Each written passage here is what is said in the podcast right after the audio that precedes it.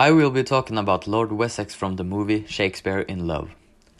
Lord Wessex is William Shakespeare's enemy. He's humorless, he's a jerk, and Viola simply doesn't love him.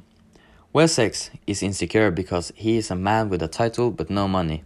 And to get money, Wessex makes a bargain with Viola's father, trading parts of his tobacco plantations for her hand in marriage. Wessex is also clumsy with words. Shakespeare writes sonnets about Viola's beauty, but when Viola asks Wessex why he is attracted with her, he can barely answer. He's not a poet and he knows it. One dramatic moment occurs when Wessex and Shakespeare got into a fight. Shakespeare would have killed him, but the sword turns out to be a fake prop sword. In the end, Wessex doesn't have to change his ways because he is an upper class man and he get what he wants.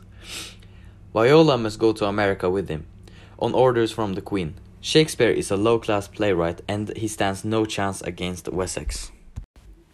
One conflict in the movie is that only men can play in the theater. Viola dresses up as a man and makes up the name Thomas Kent. She does this because she wants to act in plays, because at that time, women didn't have many rights. The father would decide who they would marry, and husbands in relationship had full control over their wife.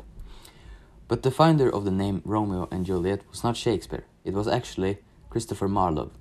Marlowe was an actor who helped Shakespeare make his play.